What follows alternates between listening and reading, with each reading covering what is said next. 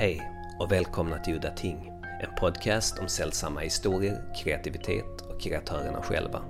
Jag heter Henrik Möller, musiken är komponerad av Testbild och den fina loggan är skapad av Malmökonstnären Nalle Chinsky.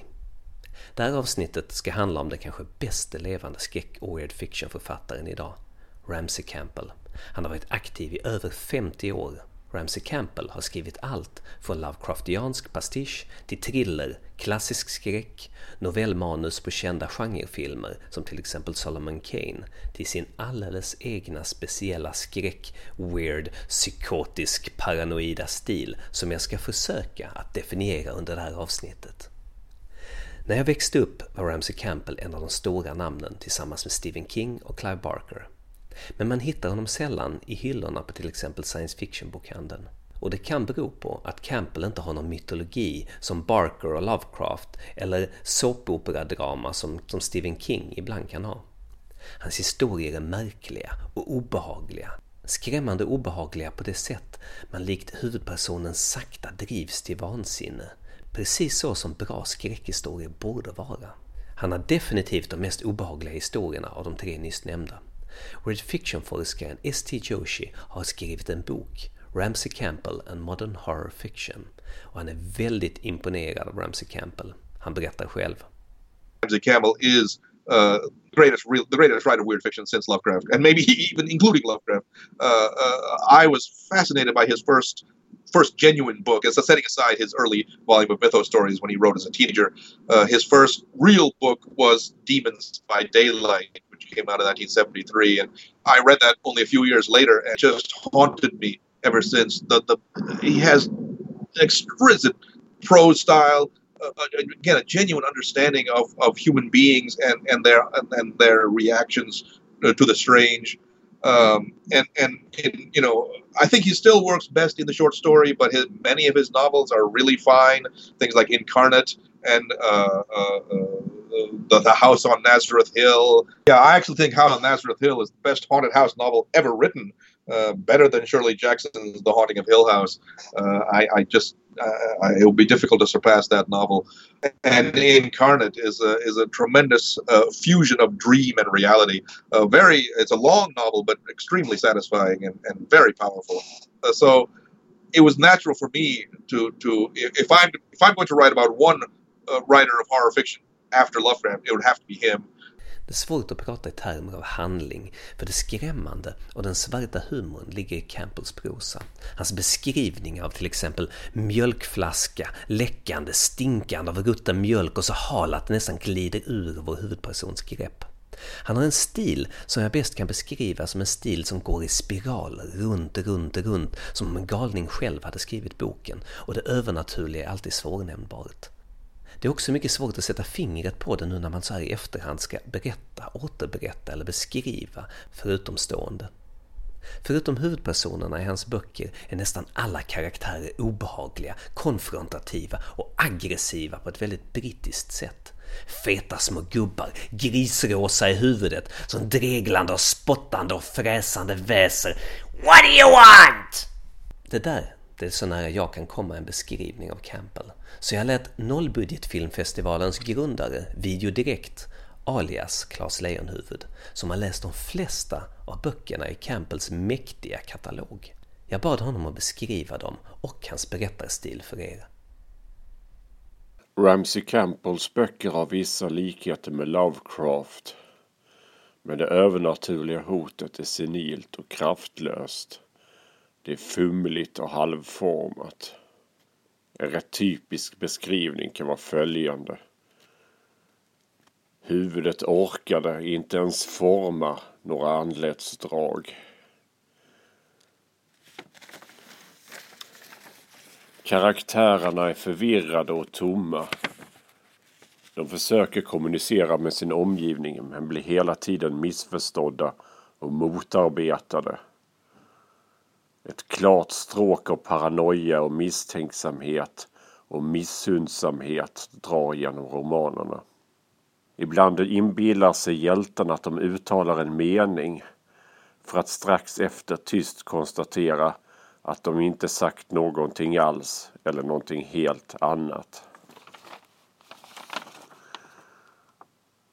De försöker tolka sin omgivnings frågor och svar, men gissningarna glider iväg in i dimman.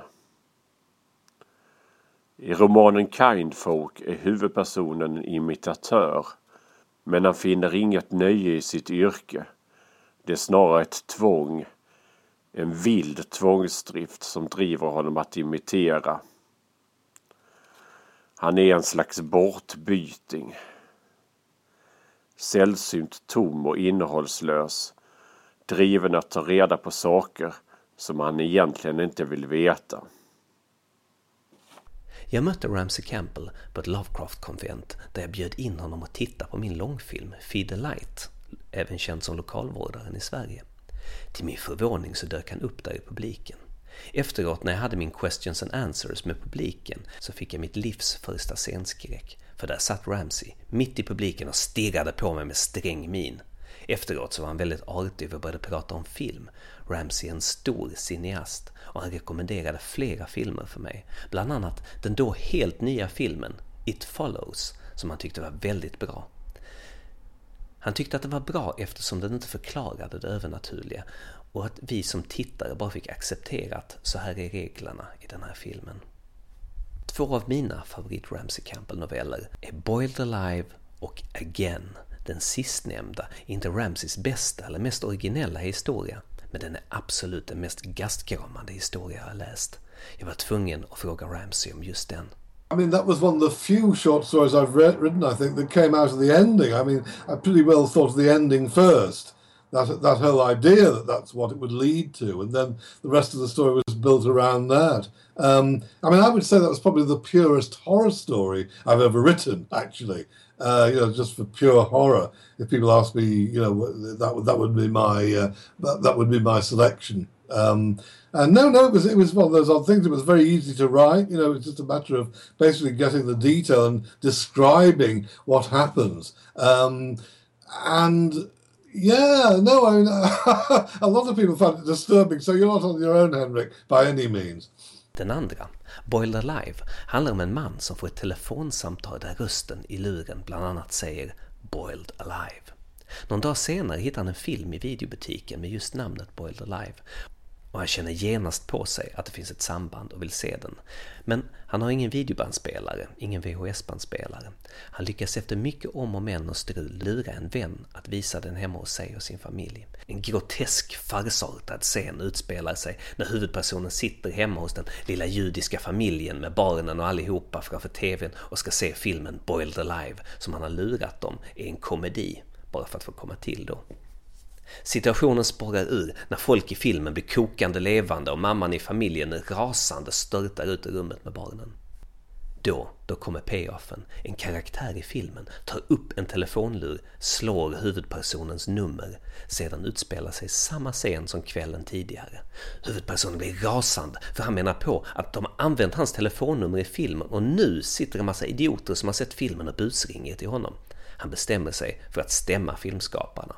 Och där säger jag inte mer, ni får läsa resten själva.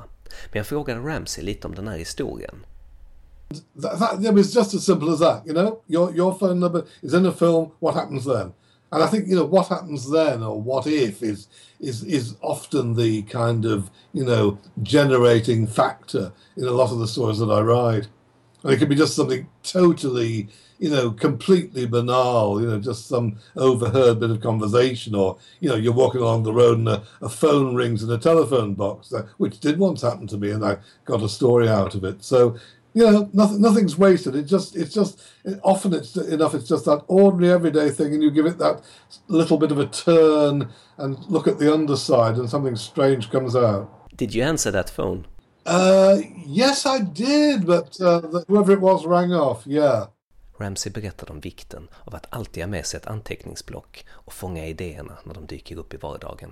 I, I, I constantly carry these notebooks with me. They're full of ideas. Well, actually, this one's full of notes for a novel, but that's different. I also have um, notebooks that are just full of random ideas that I get when I'm walking along, you know, or just doing anything. It can come from the air, from nowhere at all. I mean, I've got I've got far more ideas written down that I'll ever have a chance to develop. So once I'm gone, someone else can do what they want. Well, write short stories on them. I hope.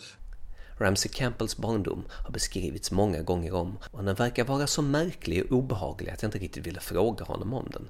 Men kort så träffade han aldrig sin far, som under hela hans barndom, trots att de bodde i samma hus, höll sig undan i sitt rum tills han en dag bara gick ut genom dörren och inte kom tillbaka. Hans mamma utvecklade paranoid schizofreni och vansinnet i hemmet ökade tills han slutligen i vuxen ålder, strax innan hennes död en dag, hade hittat henne på golvet framför en krossad spegel. Hon hade gett sin egen spegelbild en rak höger och kollapsat. Hela denna episod finns beskriven i förordet till boken The Face That Must Die. En bok med en exceptionell kraft. Definitivt en av de mest osympatiska huvudpersonerna som någonsin har skildrats. The Face That Must Die är Campbells absolut starkaste roman, men också nattsvart och djupt deprimerande. Så deprimerande att det blir en sorts skräckroman av det hela trots att det inte finns något övernaturligt i den. Jag frågar Ramsey om bakgrunden till just den här boken. Uh, it came about fundamentally because my mother was a paranoid schizophrenic, and um, in many ways, John Horridge is based on on her some of her traits you know believing that she recognized people when you know she clearly didn't and recognizing pictures in the paper which were in fact of other completely different people. Um, and I, I, basically just found myself one day thinking well supposedly not my mother but somebody like that. Supposing they were so convinced that the picture in the paper was of no, a, well, you know, a, a picture in the paper of a, of a killer was of somebody they recognized, in fact, they don't recognize them at all, what would they do then? And from that, that entire story basically developed, you know. Um, that that and a sense of certain places in Liverpool because all, all the places in that novel are, are, are real places. You know, the the, the, the, the, the housing estate on which John Horridge lived um, is exactly the way it was then. I mean, I went and you know walked around it, and that all, all that I've done is really take notes and describe what I saw.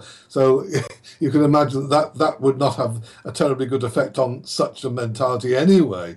Um, so it was about that, and it was also, I mean, the the um, the, the, the the the drug taking uh, young guy in there is pretty well a self portrait, and uh, you know of somebody I was trying to leave behind in a way, you know, and well, in the sense of grow out of, you know, so not not take quite so many drugs anyway. You know, in fact, I mean, by, by the time I'd finished, by the time I started writing that novel, I'd finished dropping acid um, having had a bad trip experience and not wanting to repeat that. And so basically, the novel is a way of trying to get beyond the person I had been. Um, but it's fundamentally, it, it's really, you know, um, drawing very largely on my experience, um, my childhood and early adulthood of, you know, living with somebody who was, I'm afraid, mentally, you know, well, unfit. Well, no, I, I, think it would be fair to say I was trying to draw on those experiences because they, have a certain element of the cosmic in them, and you know, I'm, I'm, i I, try not to waste anything. Basically, as a writer, you know, if it, if I've experienced it, I'll try and use it sooner or later, or you know, develop it, or you know, find something in it that I can that I can use. So, um, yeah, that's part of the process. Om man vill läsa Campbells övernaturliga berättelser så rekommenderar jag The Grin of the Dark från 2007. Den handlar om en författare som ska skriva en biografi om en gammal carney och senare stumfilmskomiker, Tubby Thackeray. Enligt legenden så skrattade folk bokstavligen ihjäl sig. Ju mer han gräver, desto mer sugs han ner och blir smittad av galenskapen som omger Tubby. Boken är en psykedelisk skräck och absurd komedi av oöverträffat slag. Men bakgrunden till boken är intressant. Ramsey hade skrivit en annan bok år 1989 Ancient Images som handlar om den sista förlorade stumfilmen med Bela Lugosi och Boris Karloff. Det som ser filmen blir sinnessjuka och tar livet av sig och märkliga saker börjar hända. En bra idé men dåligt genomförd. Trots detta så gillar jag boken just för att idén var så bra och den hade otroligt bra bitar. Jag hörde att Ramsey själv inte var nöjd med boken, så jag frågade honom. Oh, oh, that was simply because uh, I wanted to write a story about a lost uh, black and white movie with Boris Karloff and Bela Lugosi. You know, that was that was the starting point of it. But then I had to have it haunted in some way. And frankly, I don't think I've really found um, the, the right way of addressing it. I think you know the book falls into two bits really. On the one hand, you've got this movie. On the other hand, you've got the you know the haunted landscape uh, of Redfield. And for me, they don't quite gel I mean, there's two, the two, there's bits of two good books there, but they're two halves of two different books, I think. But I'm fond of both, and I, you know, I, in fact, funnily enough, because I, because I, I didn't, I felt I hadn't quite got it with the, the, the, the film within ancient images. That's why I wrote the Grin of the Dark to try and address once again the idea of, you know. Um, black and white cinema. In this case, it was silent cinema, and and to make it in some way the source of the the uncanny. And perhaps maybe I succeeded a bit better that time. Två år senare, 1991, skulle Theodore Rorschach skriva en av mina favoritböcker, Flicker. Ett mästerverk, tydligt inspirerad av Ramseys bok. Flicker handlar om en ung man som för att imponera på sin äldre älskarinna stjäler en film hon önskat sig ur en filmsamlares baklucka. Men det visar sig att det är fel film han har stulit.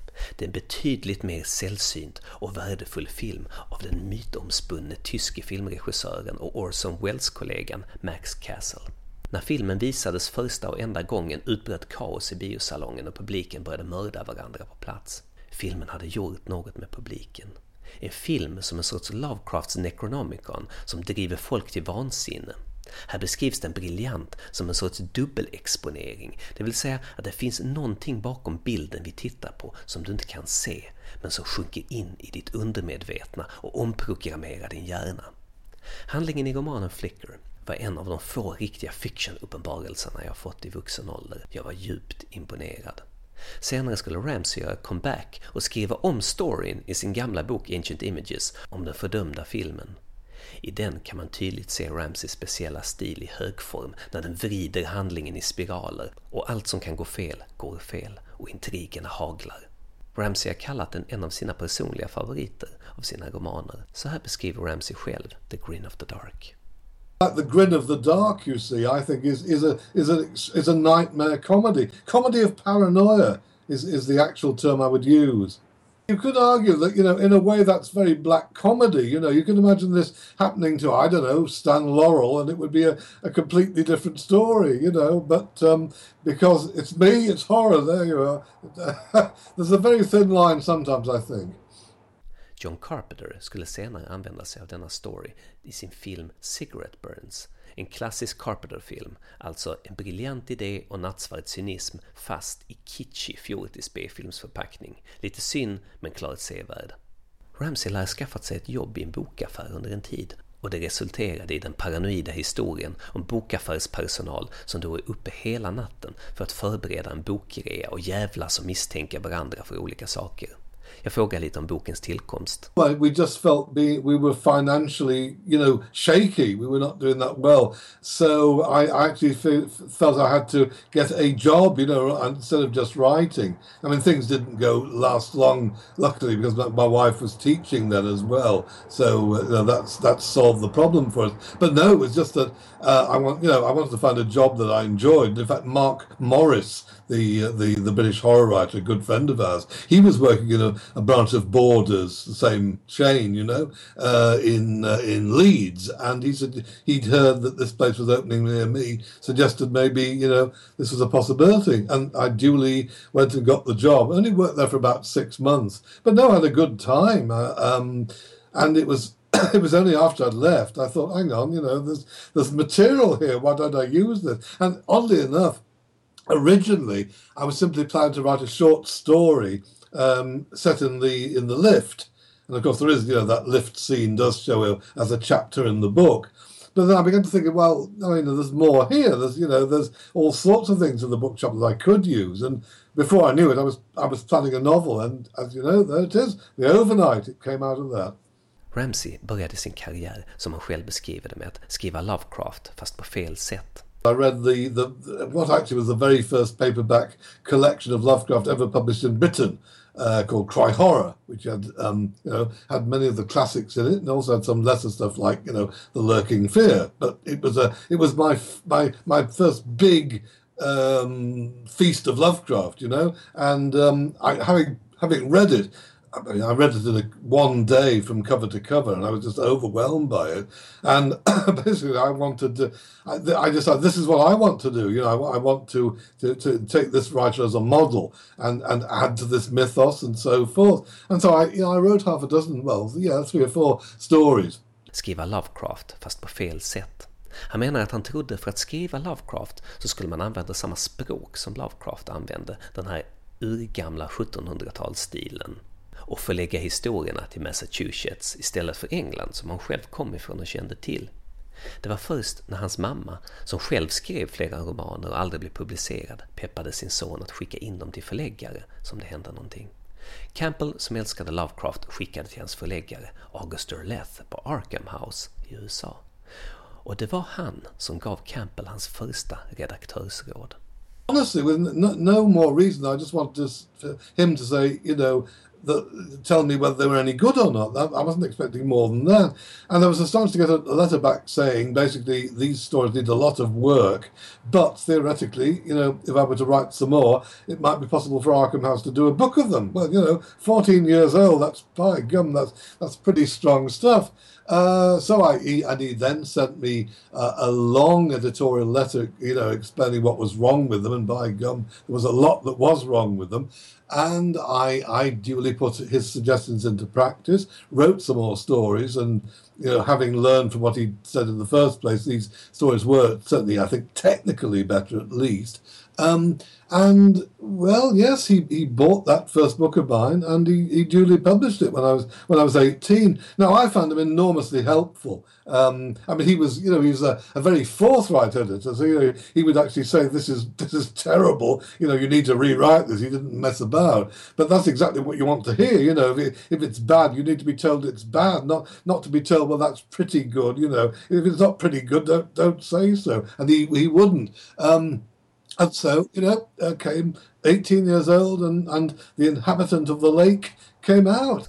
In some of your books, you use different types of techniques of structure and styles of writing. Could you tell me about them? And one, one trick I try and play myself occasionally is, is find something that I depend on and see what happens if I do without it for the course of a story. So even even in the inhabitant of the lake, funnily enough, there was one story. It's not a very good story uh, called the Will of Stanley Brooke, and I decided to do a completely non-Lovecraftian prose with no, you know, no evocative adjectives whatsoever. Very flat prose and almost entirely in dialogue, actually. Um, and I've done, I've tried that occasionally, subsequently, and kind of made it work. And and sometimes even in the course of a novel, maybe I try and do as much of a chapter as I possibly can in, in as much just in dialogue as I can uh, and see what happens then. And it, it's um, you know it, it needs to have some reason for it within the you know some thematic reason. Um, but you know it's it's worth doing that. I think you know trying to set yourself a particular task and just see. Uh,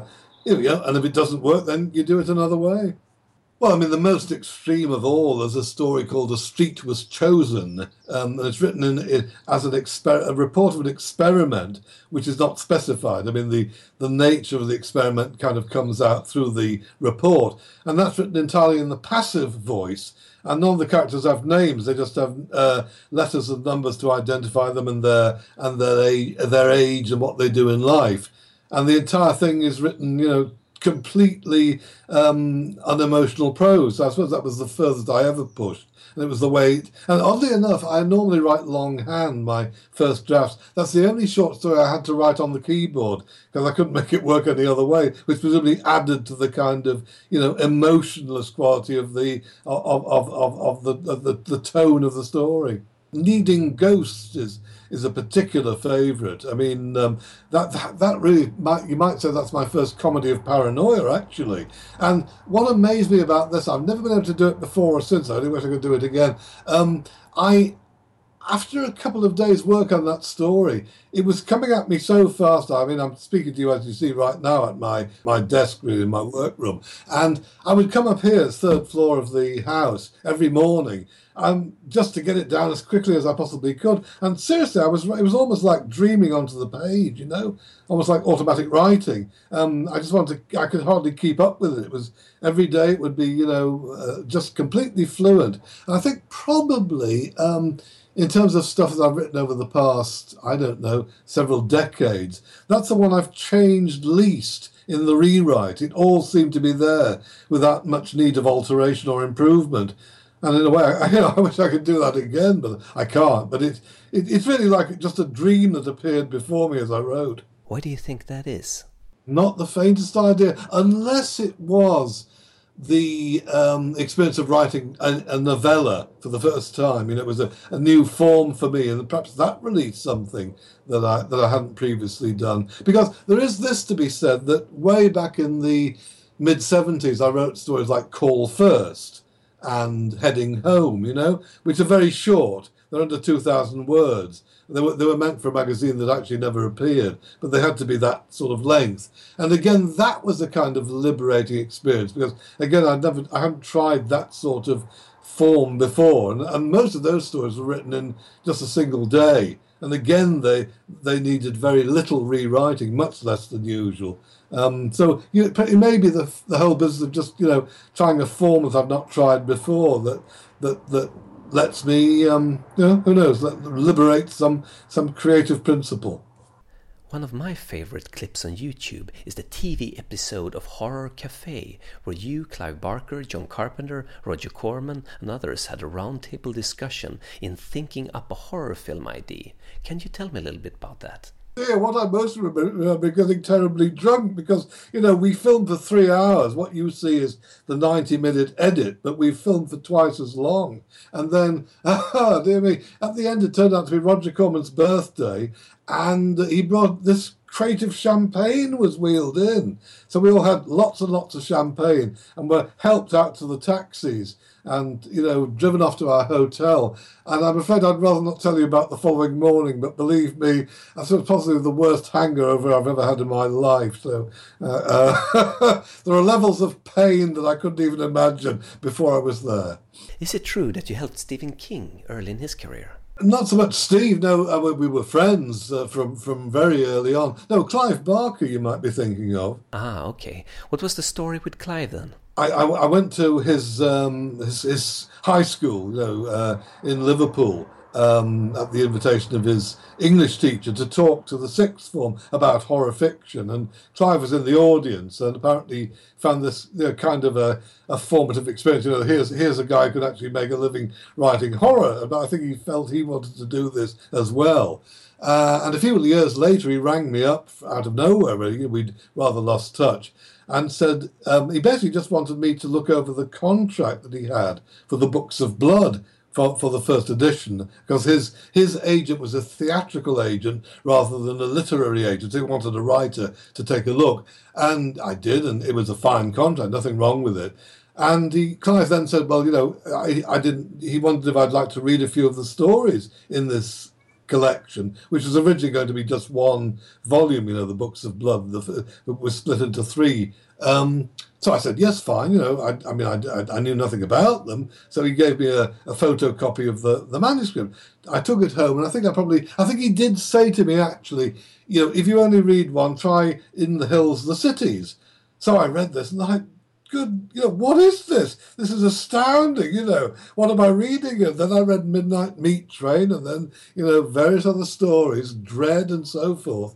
And um, I was astounded, you know. And I remember I did, I certainly told Peter Straub about some of them. And he, I remember, he, you know, he's, I told him this, just the basic plot of In the Hills, the Cities, and he said, but, you know, there's, there's, a, there's a genius right there. I think he told Steve King about, about it, in fact. And that's how the whole thing got started, how Steve came to, to hear of Clive in the first place. Of course, soon enough, he read him. Um, and they, Clive's publishers then asked me whether I would like to write the introduction to the Books of Blood because Clive didn't feel, um, you know, quite capable of it. So I duly did, and um, you know, they put quotes from it on the backs of the books, and that was basically how I, you know, how I was involved with Clive. Nyligen har Ramsey återvänt till Lovecrafts värld med en bok, The Last Revelation of Glaki, eller Glaaki, som Ramsey gärna vill att man uttalar det. Och nu, nu ska han följa upp med en trilogi med namnet The Searching Dead. By the time this, by the time you broadcast this, the first volume will have been published in Britain. Uh, it's called The Searching Dead, and it'll be out actually um, you know, toward the end of September. So it'll be there. This whole trilogy will be mainly set in Liverpool. Um, this first volume is set in the early 1950s, and the protagonist is only in his early teens. And then he grows up from, and his friends as well, grow up from novel to novel. And the, the third novel will be set in, well, pretty well, you know, the present day. And what what is what is happening in the first novel will become considerably more developed and monstrous as the books progress. So um, more than that, I dare not say. The Searching Dead, it sounds like a zombie novel. Oh no, nothing like no. It's it's a lot stranger than that. Believe me. The the well, in fact, what the um, what what the uh, the the motto to the novel is is um, what the dead behold, they may become. Could you tell me about your inspirations in the field of horror and weird fiction? Well, I mean, Lovecraft, we hardly need to. I think people know he influenced me greatly. But M.R. James, certainly. I mean, the, you know, the, the, who I think, again, is a writer of supernatural horror stories. I mean, you know, he described them as ghost stories, but he also did say that horror was necessary to them, in fact, to the ghost story in general, to, for it to work for him. And, I mean, what, what, what, um, what James has, and to some extent, this, you know, feeds over into Lovecraft again, he had this genius for the, the phrase or the or, or the most a sentence that suggests far worse. You know, it shows enough, just enough to suggest infinitely worse, you know, something far more horrible than he needs to describe in detail. So, you know, the, the famous sheep with the face of crumpled linen, or, or the, the, the pursuer that gives what he calls a lungless laugh, or the bag that comes out of a uh, you know a niche, a treasure niche, and puts its arms around your neck. I mean, these these things haunted my my childhood for oh for nights on end, and it's it's hardly surprising that I then tried to emulate them, which I certainly did. Um, I mean, I do try and reach for the heights of Blackwood and you know the Willows, Arthur Machen, the White People. I don't think I don't think I'm ever going to reach anywhere near that high, but those are you know p- pinnacles to aim for. Could you recommend some stories by M.R. James? Certainly Count Magnus. Uh, certainly Oh Whistle and I'll Come to You, My Lad. Um, a View from a Hill is, is very fine. Um, dear me, the Tractate Middoth. Um, the, the the treasure of Abbot Thomas, which uh, has a, a, a, supremely terrifying moment in it. Um, so, I mean, that's maybe half a dozen to start with. And if you'll know by then if you like M.R. James, and I strongly suspect that having read those, you'll want to read the rest as well. Now, in fact, you've thank heaven you've reminded me of one other writer without whom I would, would not be, uh, again, you know, I wouldn't be remotely the guy who wrote all the stuff I've written, and that's Fritz Leiber.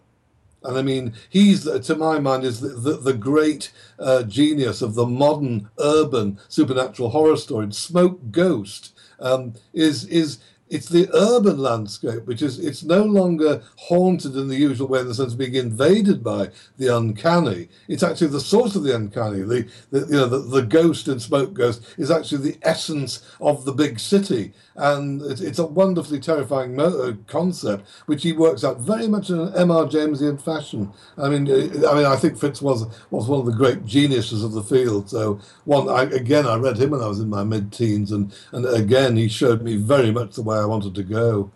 Is there any new interesting writers out there in the field of weird fiction today that you could recommend? There's a very fine book called Dark Matter by Michelle Paver, which is set in now. I, oh dear, I may get this wrong. It's either the Arctic or the Antarctic, and a lot of the novel takes place in absolute darkness, with one man by himself, except he's not. And it becomes increasingly clear that he's not alone and he only wishes he were. I mean, that's a superb novel called The Loney by, by Andrew Hurley. And that too is a very fine piece of somewhat Machenesque um, folk horror. That, that's very fine and highly highly recommended. So and there, there's so much more here. You know, there's I could really go on for half an hour longer. I mean, I mean, you know, the the the field is still hugely vital. There are lots and lots of new writers, or you know, relatively new writers, you know, coming up and developing and doing new things and very powerful things. Um, I think if I had to answer your question, you know, finally, um, it's probably film as much as anything else. And there's one filmmaker above all who, who half a dozen of whose films have terrified me on, you know, an absolute visceral level, uh, and that's David Lynch. And if I had to go for just one, it would be Lost Highway. And every time I watch the opening section of Lost Highway, I just feel utterly terrified. I mean, it, it doesn't go away. I mean, I, I mean, I write, I've written an essay about it, so I had to watch the whole thing again. And as soon as I put it on the screen, I thought, no, I'm going to have to go through this yet again. Now, I don't mind that. On the contrary, I wish more films did it. But you know, there are very, very few that do. Although I did like it, it I did like It Follows. So you know, luckily, you know, it never ends. There's there's still good stuff out there. Not least yours, Henrik. So you you carry on, man. Thank you. Oh, my pleasure, Henrik. Good to see you again. Good to see you. Bye bye. Yourself. Bye bye. bye. Ja, det här var allt för den här gången. Jag heter Henrik Möller och musiken är skriven av Testbild.